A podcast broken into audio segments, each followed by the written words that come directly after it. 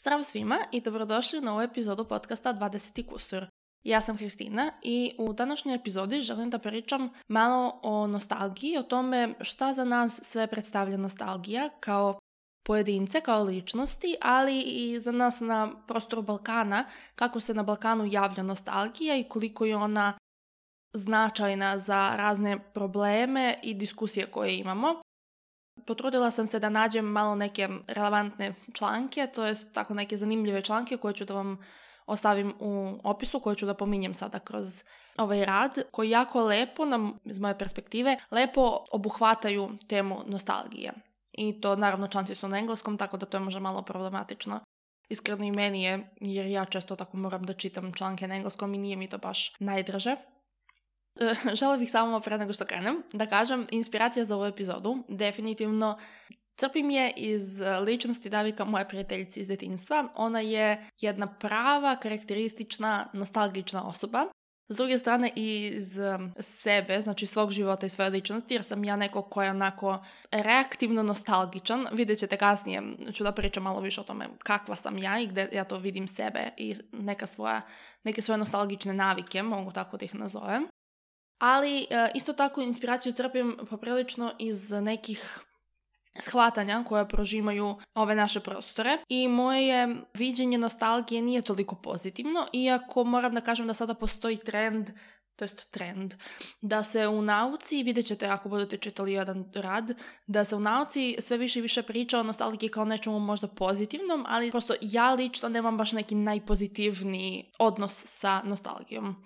U svakom slučaju, trudit ću se da što objektivnije nekako na to gledam, što je to moguće, ali svakako žela sam na početku da ipak dam svoju neku perspektivu, da opet vidite gdje ja stojim u celoj ovoj priči. E, tako da bit će ovo e, duga i turbulentna vožnja kroz temu o nostalgiji, i želim da počnem sa nekom prostom definicijom nostalgije. Za nostalgiju možemo da kažemo da je ona setna ili pretjerano sentimentalna očežnja za nekim prošlim vremenom, nepovratnim stanjem ili povrtkom u neki period lične prošlosti. Prvi članak koji sam vam izdvojila dole jeste Nostalgia Psychological Perspective i ono je poprilično štur neke teorije. To je u suštini ceo članak u jednom istraživanju koje je rađeno, ima gomila statistika, tabela i tako svega, tako da ja mislim da većini ljudi će biti dosadno da ga čitam. Onaj drugi je daleko bolji i duži je, ali je sve sveobuhvatniji, tako da njega preporučujem, a ja ću samo da vam kažem neke stvari zanimljive koje sam ja izvukla iz ovog prvog članka, koje mislim da su onako zanimljive i relevantne. Ovako, ovaj članak govori o tome kako e, nostalgiji možda treba da pristupamo kao nekom velikom konceptu, doduše to je i ideja drugog članka, koji ima neke svoje e, motive, da tako kažem, koji može da se podeli na neke pristupe nostalgiji. Sada ću da pokušam da objasnim malo konkretnije. Oni tu izdvajaju neka četiri vrste nostalgije a to su generacijona, to je ona koja se javlja u okviru generacija i koja ima neke elemente zajedničke za taj period, za, za ljude koji su rođeni i koji žive u određenom periodu. Također razvojna, tu se više misli na to da ljudi u određenim periodima života imaju ta nostalgična osjećanja ka nekoj prošlosti. Najčešće su to, na primjer, stariji ljudi ka nekim mlađim danima, mada možemo da kažemo da i mi već sad počinjemo da osjećamo nostalgiju prema nekim ranijim danima, tako da to poprilično ravno kreće.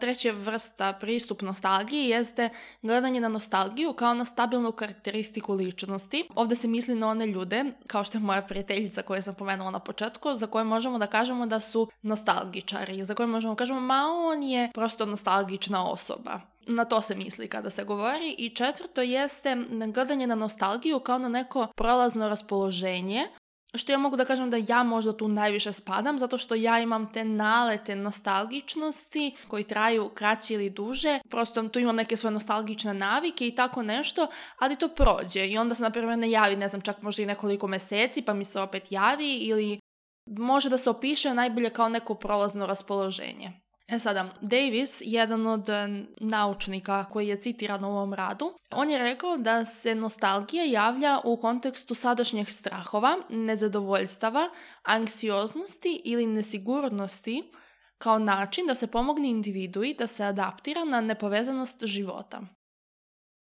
Mislim da ako se vratite opet da iznova iznova poslušate, vidjet ćete koliko je, kako je on to lepo opisao, stvarno neke uzroke koji dovode do pojave nostalgičnih osjećanja kod ljudi.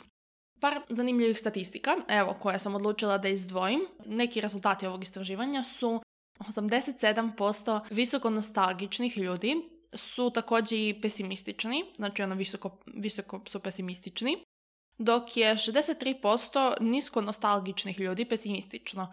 Možemo ovdje da zaključimo da je očigodno i njihov uzorak bio većinski pesimističan, ali svakako možemo da vidimo razliku da, više, da je više pesimističnih u ovim, kod ovih koji su nostalgični, što nekako ima smisla ako posmatramo nostalgiju kao neko vraćanje u prošlost i evo sada ću da vam kažem o sljedeći i bit će vam jasnije da, da zaokružimo.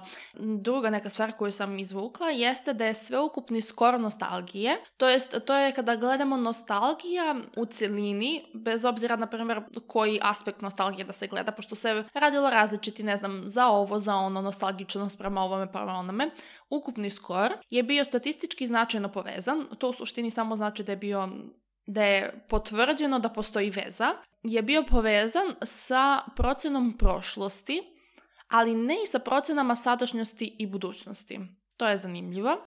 I također da taj skor na sveukupnoj nostalgiji, znači da je nostalgičnost raste, što je percepcija prošlosti pozitivnija. Sada kad uzmemo sve to u obzir, da to da su oni koji su više nostalgični, više i pesimistični, to je da ima više pesimističnih kod onih koji su visoko nostalgični. Također, nostalgija raste što se e, prošlost gleda pozitivnije, da je povezana samo sa procjenom prošlosti, ali ne sadašnjosti i budućnosti. Možemo baš da vidimo tu kako Nostalgija stvarno predstavlja ono o čemu smo pričali ranije. Nekako ovo istraživanje je baš potvrdilo to da nostalgija zapravo predstavlja čežnju ka nekoj prošlosti koja se gleda kao bolja možda nego sadašnjost ili koja se gleda kao jako dobra. Možda to možemo da izvučemo kao neki zaključak. I tu bih mogla da sada uđem malo detaljnije u ovu temu i da kažem da to može da se poveže sa onim uvijek je bilo bolje nekad u prošlosti.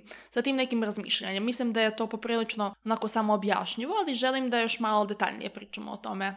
Ovo istraživanje također ističe da nostalgičnost kao varijabla, znači ta nostalgičnost, e, generalna nostalgičnost je stabilna kroz sve starosne grupe. Što je zanimljivo Mada nije toliko čudno, njihove starosne grupe su baš ono od 15 godina do 85 godina ili tako nešto, tako da ne postoji značajna razlika u osjećaju nostalgičnosti između mladih ljudi i starijih ljudi. Što, kao što sam rekla, jeste zanimljivo, ali nije toliko čudno, jer ako na nostalgiju gledamo kao na neko svrtanje u prošlost, Uvijek postoji ta neka prošlost na koju možemo da se osvrnemo. Ako nije lična, onda makar kolektivna. Mislim, svi smo svesni 15 godina, mlade godine, to često su tu mladi ljudi koji se, na primjer, pričaju o tome kako je nekad u prošlosti bilo bolje. Na primjer, možda se hvataju upravo za tu kolektivnu prošlost. Na primjer, kako pa znate, prosto ljudi koji se oblače na različite načine, koji slušaju muziku koja je starija i misle da su oni drugačiji od drugih. Mislim, svi smo prošli kroz to tako da to je taj period. U mladim godinama također može da se vidi ta nostalgija za nekim prošlim vremenima. Možda ne za svojim, ali za tuđim. Ja mogu da kažem da sam ja prva kriva za nostalgično ponašanje uopšte. I čak i takvo, ali ono prosto bilo kakvo, ja sam ja ta koja umem po pola sata sat da listam foldere sa starim slikama ili sa snimcima, Snap storije ili Instagram storije, arhive, da listam, mislim, listala bih ja iskreno i albume, ali su moji roditelji prestali da rade slike kad sam ja bila mala, tako da sve što ja imam je ili na CD-evima ili na nerazvijenim filmovima, tako da ja gledam ovo sad novo što sam ja slikala svojim telefonima kada sam krenula da dobijem telefone. I zaista pronalazim jako žitak u tome. Obožavam, znači da listam slike, da puštam snimki, da pokušavam da se setim priče iza slika ili neke događaje kako su se odvijali kada je to nešto slikano i mogu da kažem da mi poprilično dobro ide, imajući u vidu koliko mi je loše pamćenje za određene stvari. Ono što je bitno zapravo u celoj sad ovoj priči za mene i za ovu temu jeste kada ja to radim ja sam pokušala da shvatim sada koji je period kada ja pripegavam tom nostalgičnom ponašanju. I mogu da kažem da je to obično kada se osjećam loš u vezi sebe ili u vezi svog života ili kad imam da učim se ispit. Ali definitivno e, pribjegavam tom listanju nadi da ću tu dobiti neku utehu u tim sećanjima na vremena kada mi je bilo lepo da će zapravo ta uteha da mi da nadu i da mi posluži kao podsjetnik da će opet biti lepo. I u većini slučajeva ono stvarno tako bude. Ali s vremena na vreme tako počnem još više da klonem zapravo u pesimizam, mogu slobodno kažem u pesimizam kada gledam te slike. I onda u tim trenucima moram sebe da podsjetim na to koliko sam u to vreme, na primjer, zapravo bila nezadovoljna svojom ličnošću i koliko sam sada više zadovoljna svojom ličnošću, zato što kada gledam sve, kada sam onda kao, bože, tada mi je bila lepša kosa, tada su mi bili duži nokti, tada sam se mnogo više družila s ljudima, izlazila sam, bila sam aktivna, i onda krene to da čini da se osjećam loše, tako da moram da podsjetim sebe koliko sam ja tada bila nezadovoljna sobom, a koliko sam sada na putu da stvorim daleko kvalitetniji život nego što sam ga ikada živela. I to mi onda pomogne da ne upadnem u taj neki pesimizam. Ali mogu da kažem da ovo funkcioniše najviše zbog toga što na mom horizontu postoji neka svetlost ka kojoj mogu da podsjetim sebe da treba da težim. Ali šta ako to, na primjer, nije slučaj? I sada želim da pričam malo o nostalgičnim uverenjima na našim prostorima, gdje mogu da kažem da ovo pitanje se odnosi na, na to. I mogu da kažem da nostalgija u svesti svakodnevnog čoveka, kod nas je dobila mesto u jednoj dihotomiji. Ne samo kod nas na Balkanu sad, nego uopšte, ja mislim u svetu. Nekako nostalgija se gleda naspram progresa. Napravo ta postoji ta dihotomija ili progres ili nostalgija, to ili ili. Da li je sad ovo mesto zasluženo? Je nešto o čemu može da se diskutuje i odgovor teži ka ne.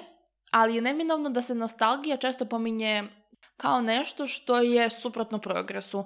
I to o tome mnogo više se priča u ovom drugom članku koji ću da vam ostavim dole. Sada ću definitivno malo više da se pozivam na taj članak s vremena na vremu u ostatku ove epizode, ali želim da sada izvučem jedan citat iz tog članka koji definiše nostalgiju kao kompenzaciju za izgubljenu veru u progres i za ono što je socijalno i kulturološki izgubljeno ili uništeno u ime tog progresa. Mislim da možemo da vidimo jasno kako e, je ovo gledište povezano sa onim pesimizmom od ranije. I isto tako možemo da vidimo kako se ovo gledište nekako javlja, vjerojatno nesvesno, kod nas na našim prostorima. Mi na Balkanu imamo jako bogatu istoriju. Mislim da to, to svi znamo, to nam je svima jasno. I koliko nam je ta prošlost donela raznovrsnost u vidu kulturološkog nasleđa, donalo nam je i ono drugo nasledđe koje ću za potrebe ove diskusije nazvati nostalgično nasljeđe. U našem društvu na Zapadnom Balkanu postoji ogromna potreba za dokazivanjem tačnosti događaja u istoriji koji se iskreno najmanje baziraju na činjenicama. I u ovom procesu dokazivanja javlja se ogroman broj lažnih činjenica u pokušaju falsifikovanja istorije. Isto tako se javlja i veliki razdor zbog nemogućnosti dogovora oko toga šta su zapravo prave činjenice. Zašto je bitno sada sve ovo što sam rekla? U komunističkom geslu postoji jedna izreka koja se dosta koristila i vjerujem da smo je svi čuli, a ona glasi religija je opijum za narod. Ja bih mogla da kažem da danas nostalgija je postala opijum za narod. Vlast na našim prostorima, zanimljivo je što sad ovo pričam pred izbore, verujte mi, stvarno mi nije namera, ali tako, je, tako se desilo. E, vlast na našim prostorima, koja je tu od smrti Tita, shvatila je upravo ovo, da je nostalgija opijum za narod i odlučila je da naše nostalgično nasljeđe maksimalno zloupotrebi za svoje političke ciljeve. E, geopolitički konflikti koji postoje na našim prostorima, kao i naša vatrena i ponosita narav, su jako plodno tlo za nacionalističku propagandu, koja, ako razmislimo, ima korene u nostalgičnim pričama o vraćanju stare slave nekog naroda koji više ne postoji ili objedinjenju naroda koji imaju duge zajedničke korene, koji su naravno izmišljeni, u neku veliku državu ili e, čišćenje države od nekog naroda koji je uljez i sa kojim se kroz retroaktivno falsifikovanje istorije briše zajednička istorija ili pak pokušavanje prispajanja teritorija koje zapravo i ne žele da budu e, prispojene u ime nekog zajedničkog naroda. Mislim ima još, ali Mrzalo ono me baš za svaku državu da ja sad smišljam neki očigledno neočigledan primjer. Tako da ovdje sam dala nekoliko. Problem s ovim nije toliko u tome što je ova propaganda koja je zasnovana na nostalgičnim uverenjima, što ona zapravo postoji, već što je ona jako krvava. Sve političke priče o budućnosti koja treba da izgleda kao neki korak iz prošlosti su detrimentalne za bilo kakav pravi progres ovog prostora. I ako neko želi da mi kaže da smo mi prosto takvi i da smo mi kroz istoriju najkonfliktniji prostor u Europi, da smo najratoborniji narod u Europi, Ostavit ću vam u opisu e, link do YouTube videa koji po mom mišljenju jako dobro pobiju ovu priču zato što ova priča nije tačna i sve oblasti u Europi su podjednako ratoborne i konfliktne bile samo što se naravno najviše isplati da mi ostanemo takvi, jer neko mora da ostane. Ali nebitno, Stavljamo pauzu na ovu temu i želim da pričam malo o jednoj izuzetno bitnoj strani nostalgije, a koja je možda malo pozitivna zapravo za promjenu. A to je da je nostalgija u svojoj srži žaljenje, ali je i lek. Ako se vratimo na definiciju koju sam ranije pomenula o tome da je nostalgija kompenzacija za ono što je socijalno i kulturološki izgubljeno ili uništeno u ime progresa. Svaka promjena i svaki korak napred za sobom ostavljaju nešto što se smatra neodgovarajućim za prenos u taj novi korak, u budućnost. Da li to bio način funkcionisanja, način rada, konkretni neki predmeti ili sistemi vrednosti ili nešto potpuno peto. Poenta je da za sve što je ostavljeno iza u nekoj progresivnoj promjeni postoji neko kome je to nešto bilo značajno. Iako sam ja neko ko čvrsto veruje u progres i znam da je suština progresa da se loše ili nedovoljno dobro za meni boljim ja sam svesna da progres nije uvijek pozitivan, a definitivno nikada nije potpuno pozitivan. Skoro uvijek postoje neke dobre stvari koje prosto nisu upale u voza sljedeću destinaciju. Nekada je tih stvari puno, a nekada nova stanica baš i nije progresivna. Željela bih sada da pogledam na naš prostor sada iz nekog malo novog ugla. Da ne pričamo toliko sad o nacionalizmu, već želim da pričam o jednoj specifičnoj naciji. To su, ne nacistima, to su jugonostalgičari. Mislim da su oni odličan primjer upravo za ovo o čemu želim da pričam.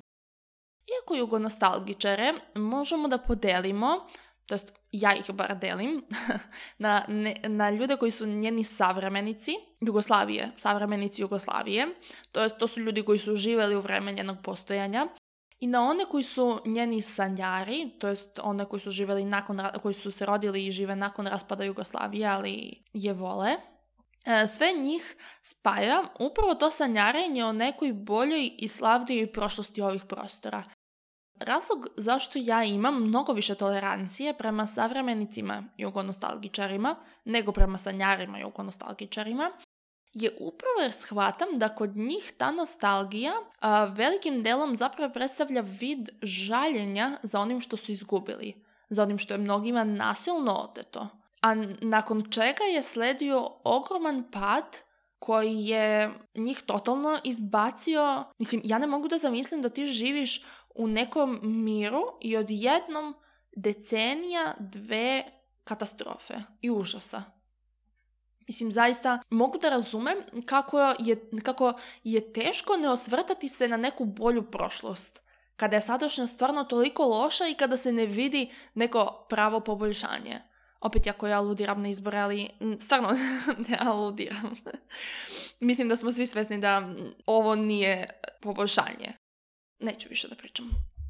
U ovom aspektu verujem da nostalgija e, zapravo može pomoći da se premosti taj jaz koji stvara gubitak nečega što nam je drago ili makar nečega na što smo se navikli. Problem nastaje kada se na prošlost gleda ružičastim naočarima. A uz sve nostalgično prisjećanje prošlosti koje čujemo od starijih ljudi, oni su ipak ti koji imaju realističnije viđenje toga kako je zapravo nekada bilo u odnosu na mlade ljude. I to je ono gdje mogu da kažem da ulazi u igru razlika između sanjara i savremenika jugonostalgičara. I to je jako velika i bitna razlika. Ja sam po svojim uverenjima antikapitalista velikih razmera i značajno naginjem na crveno u filozofskom smislu. Ali još uvijek ne volim da se deklarišem jer iskreno ne znam još uvijek gdje spadam. Tako da ja imam također mnoge crvene ideale, ali sam prva koja će reći da su svi crveni sistemi rani dolazili sa nekim bitnim manama koje ne smiju da se zanemare i o kojima treba da se priča i za koje treba da se nađe konkretno rješenje i pametno rješenje. Ovo će također reći i savremenici Jugoslavije, to jest savremenici jugonostalgičari, koji iz topa u svakom trenutku kad ih pitate mogu da nabroje bar nekoliko problema koji su postojili u jugoslovenskom sistemu. Ali da li to mogu da urade mladi sanjari Jugoslavije? Iskreno, ne mogu baš. Većina. Ono čime želim da završim zapravo ovu celinu o našim prostorima e, jeste podsjetnik da stalno osvrtanje nazad može mnogo da šteti jer ono nije realistično. Ovo se odnosi na apsolutno sve aspekte života i mislim da kod nas Srba postoji taj mali neki paradoks jer nam je sociopolitičko pamćenje jako slabo, doslovno nepostojeće, ali zato e, kada treba da ga tupimo, e, tu pamtimo od kolina bana, doslovno. Ono na što želim sve da podsjetim, koji imaju tendenciju da veličuju jugoslovensku prošlost, je da se ona završila iz bitnih i velikih razloga. A dobar podsjetnik tih razloga su događaji koji su sledili nakon. Mislim da gledanje naše prošlosti, bilo kog perioda naše prošlosti, kroz rušičaste naočare, može da bude jako opasno po života i po bezbednost svih nas, zato što se time žmori na razdor. U tom smislu mogu da kažem da nostalgija ubija poprilično doslovno. Razdor i problemi koji su se javili nakon raspada Jugoslavije postojali su još i u doba Jugoslavije, a čak i pre nastanka Jugoslavije, jer mržnja nije nastala i razvila se preko noći. Ona je bila tu i ima duboke i debele korene, a Jugoslavija nije uradila ni malo dobar posao pokušavajući da se suoči sa tim problemima. Čak što više ona rupu iz koje curi voda je onako zalepila s otipom i rekla je ovo će da drži neko vreme. Dok je Tito živo, ovo će da stoji i onda neće da stoji. E, pristup Jugoslavije u pogledu tog, e, te različitosti, znači spajanja tih različitosti kod nas može da se vidi i u današnjem pokušaju u Americi onog i see no color pristupa eh, sistemskom rasizmu, gdje oni pokušavaju da eh, se prave da kao ne postoji rasizam, eh, iako je bukvalno njihov ceo sistem sagrađen na rasizmu. I onda kao ajde samo ćemo da zalepimo sad crnca na svaka dva, u svakoj, kao u svakoj stvari ćemo da stavimo crnca i rešit ćemo problem. To se slično radi i sa ženama. Prosto ceo taj pristup ne valja kada se ne obrati pažnje na koren, to ne valja. Dodatno na sve ovo, ovo je sada moje mišljenje, je da ignorisanje mržnje koje je sastavni deo nacionalizma na našim prostorima samo zapravo provocira agresivni separatski pristup nacionalista. E, ovo možemo, na primjer, da vidimo i kod mladih belaca koji su izvršavali ubistva masovna u Americi. Također, možemo da vidimo kako taj pristup kao sad smo odjednom svi jednaki i i nećemo da se obratimo toj mržnji koja postoji, kao vidimo kako to nam se vrati i obije nam se o glavu nekim ljudima doslovno. Isto tako i ovdje kod nas je nešto o čemu moramo da razmišljamo kada smo nostalgični prema nekoj balkanskoj prošlosti koja je nekada bila i koja je kao bila sjajna. Obećavam, evo sada sam zvanično završila sa političkim delom ove teme i želim samo još malo da pričam o nostalgiji u našim individualnim životnim iskustvima. Ako se sjećate, one priče o aspektima nostalgije sa samog početka epizode, generacijska, razvojna, stabilna karakteristika ličnosti i prolazno raspoloženje, možemo da kažemo da na naše svakodnevno iskustvo življenja utiče najviše nostalgičnost kao karakteristika ličnosti kod onih ljudi koji je imaju i nostalgičnost kao neko prolazno raspoloženje koje se javlja češće ili ređe. Mi često pamtimo lepe trenutke. Slikamo se kada smo srećni, kada putujemo, kada se nešto lepo dešava. A što je sa tim kada plačemo? Primetila sam u online prostoru, ali i u razgovoru sa ljudima u mom životu, da pokazivanje perioda kada nam je teško ljudima na internetu obično dobija nekoliko odgovora, to jest ako ću da budem iskrena dobija dva odgovora. Prvi je ako se govori o nekim jakim traumatičnim događajima, dobija se većinski podrška i osoba se karakteriše kao hrabra jer je podelila nešto što je često tabu ili je nedovoljno obrađeno u društvu i bila je ranjiva na takav način i tome se aplaudira. Ali, ako govorimo o tome da neko izbaci kako ima loš ili stresan dan, kako se ne osjeća baš najbolje ili ne daj Bože da plače, reakcija većine je momentalna osuda. I ova osuda je obično praćena unižavanjem uzroka zbog čega se osoba osjeća loše.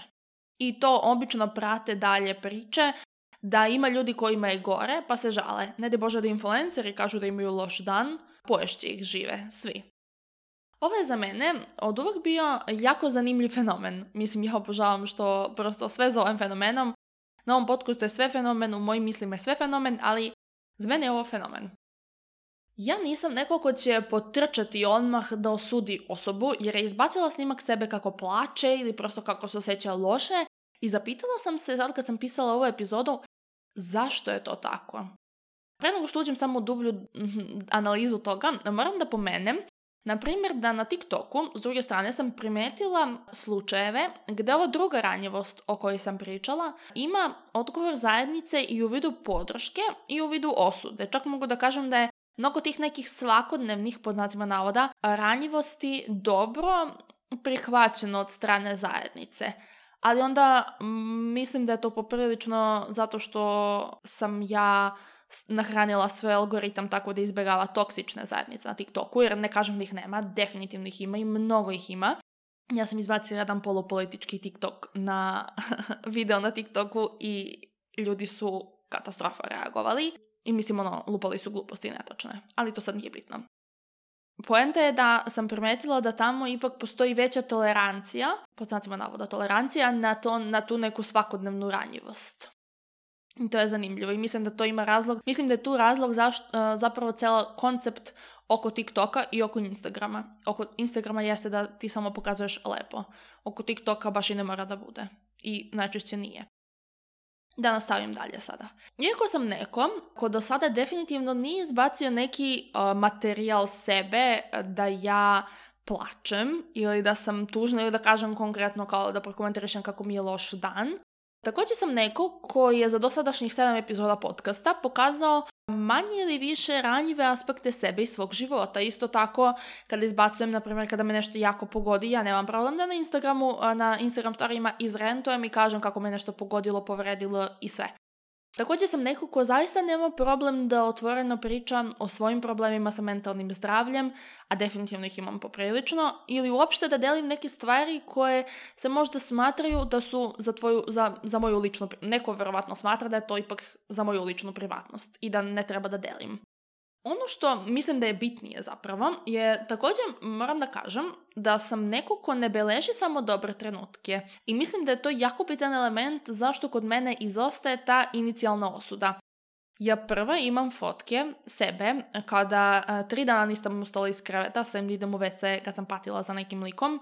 I isto imam selfije sebe kada sam, i to ono, nije samo sad ću da kažem, znači imam selfije sebe kada sam imala u svom životu najgore akne, to je bilo krajem 2020. početkom 2021. I to nije bilo samo ono da slikam za sebe progres, već prosto sam se slikala na snapu ono random i imam tako neke random slike koje su sa, sa aknama tim užasnim. Za mene užasnim, za postoji gore. To me je navelo na razmišljanje zašto sam ja uopšte osjetila potrebu da zabeležim ovakve trenutke, jer kada ljudi kažu da nije prirodno da se sjetiš kad plaćaš da uzmeš da se snimaš, ja neću da kažem da ljudi nisu u pravu, ljudi jesu u pravu. Evo sada, na primjer, kada razmislimo, nostalgično osvrtanje na prošlost je sklono idealizaciji, isto kao što naše pamćenje po sebi sklono da pamti dobro a da zaboravlja loše. ovdje su izuzeci, na primjer, jak pesimizam ili kada neko boluje od depresije ili posttraumatskog stresnog poremećaja, od anksioznosti ili također neke situacije koje dovode do toga da nam se pamćenje hiperfokusira na loše stvari. Ali je poenta da zdrav mozak, normalan pod zacima navoda, treba da se većinski fokusira na dobro, a manje na loše. To je da pamti više dobro nego loše. Ja sam vrlo rano kod sebe primetila ono što sam na početku pomenula, da se osjećam nekada loše, zapravo kada nostalgično listam slike. I mislim da sam nesvjesno shvatila da moje uspomene ne predstavljaju realnu sliku moje prošlosti. Jer samo tu najčešće imam samo dobre trenutke, to je skoro uvek sam imala samo dobre trenutke tada.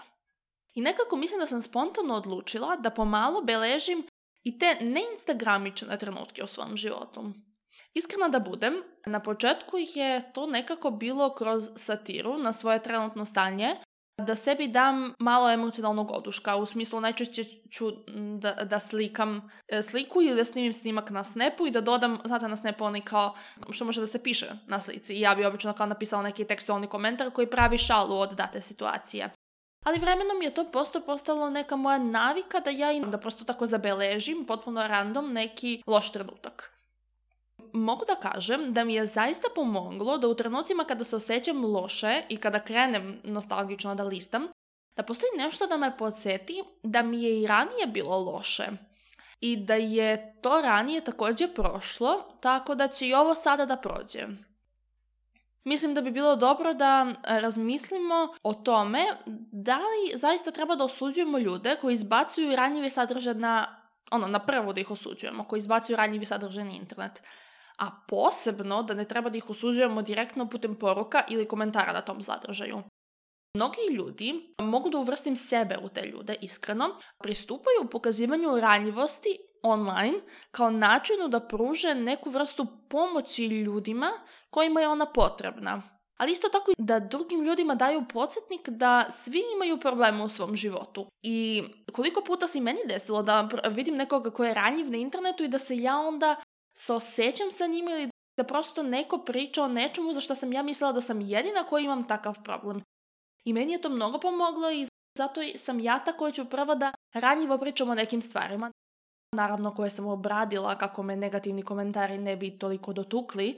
To je najgore što neko može da uradi, da bude ranjivo nečemu što nije obradio, zato što može realno u online zajednici da se dobiju svakakvi ružni komentari. Ja mislim da bi trebalo malo da razmislimo, zato što tačno, mnogi ljudi rade kako bi, ne znam, iz nekih svojih razloga, kako bi, ne znam, pokazali, pokazali kako su, mislim, ne znam, se verujem da postoje ljudi koji ranjivost koriste izmani, manipulativno, ali ja zaista nisam takav ljud i ja ne pratim takve ljude, tako da ako pratite takve ljude, možda razmislite samo da ih otpratite prosto, jer mi zaista volimo da mrzimo ljude i onda nam ranjivost pruža odličan e, način da odličnu priliku da zahejtamo ljude, zato što su ljudi. Kao zaključak, želim da ovo, ova epizoda je definitivno duža od toga kako ja inače pravim epizode i želim da kažem da ovo što sam ja pisala sad, ova epizoda, ovo zapravo uopšte nije ono o čemu sam ja željela da pričam. Kada sam ja krenula da pišem ovaj skript, moja ideja je bila da se ja bavim nostalgičnim estetikama, mentalnim zdravljem i muško-ženskim odnosima kroz prizmu nostalgije. Ali onda kad sam krenula sa Balkanom, prosto nisam mogla da se zaustavim u svojoj sociopolitičkoj analizi, tako da mm, mislim da ću mislim, mislim, e, sigurno ću da se pozabavim temom e, nostalgije u pogledu partnerskih odnosa. E, kako se to prikazuje online, to jest na internetu, kroz medije, u našoj kulturi, kako postoji te, te neke svakakve neke priče. Mislim da ću o tome definitivno da pravim neku epizodu jer mislim da je to jako bitna tema. Ali isto tako mislim da je ovo sada bila jako bitna tema. Za mene jeste. Nadam se da je i vama bila značajna. E, također sam svesna da je ovo dosta mračan pristup nostalgiji. Kao što sam pomenula na početku, ja i dalje pokušavam da vidim to malo veće svetlo u nostalgiji, ali ne uspevam, ali se trudim. Onaj, onaj članak mi je bio koristan, ali dalje me nije dovoljno ubedio, ako tako mogu da kažem. Tako da, ja sam ovde negde za sad. to je to što sam imala da kažem za ovu epizodu. Nadam se da vam se sviđalo i da vam je bilo informativno i zanimljivo i eto. Nadam se da ćete pogledati one izvore koje sam ispod, eh, o kojima sam govorila, linkovat ću ih ispod u opisu epizode, tako da to je to i čujemo se u narodnoj epizodi. Pozdrav!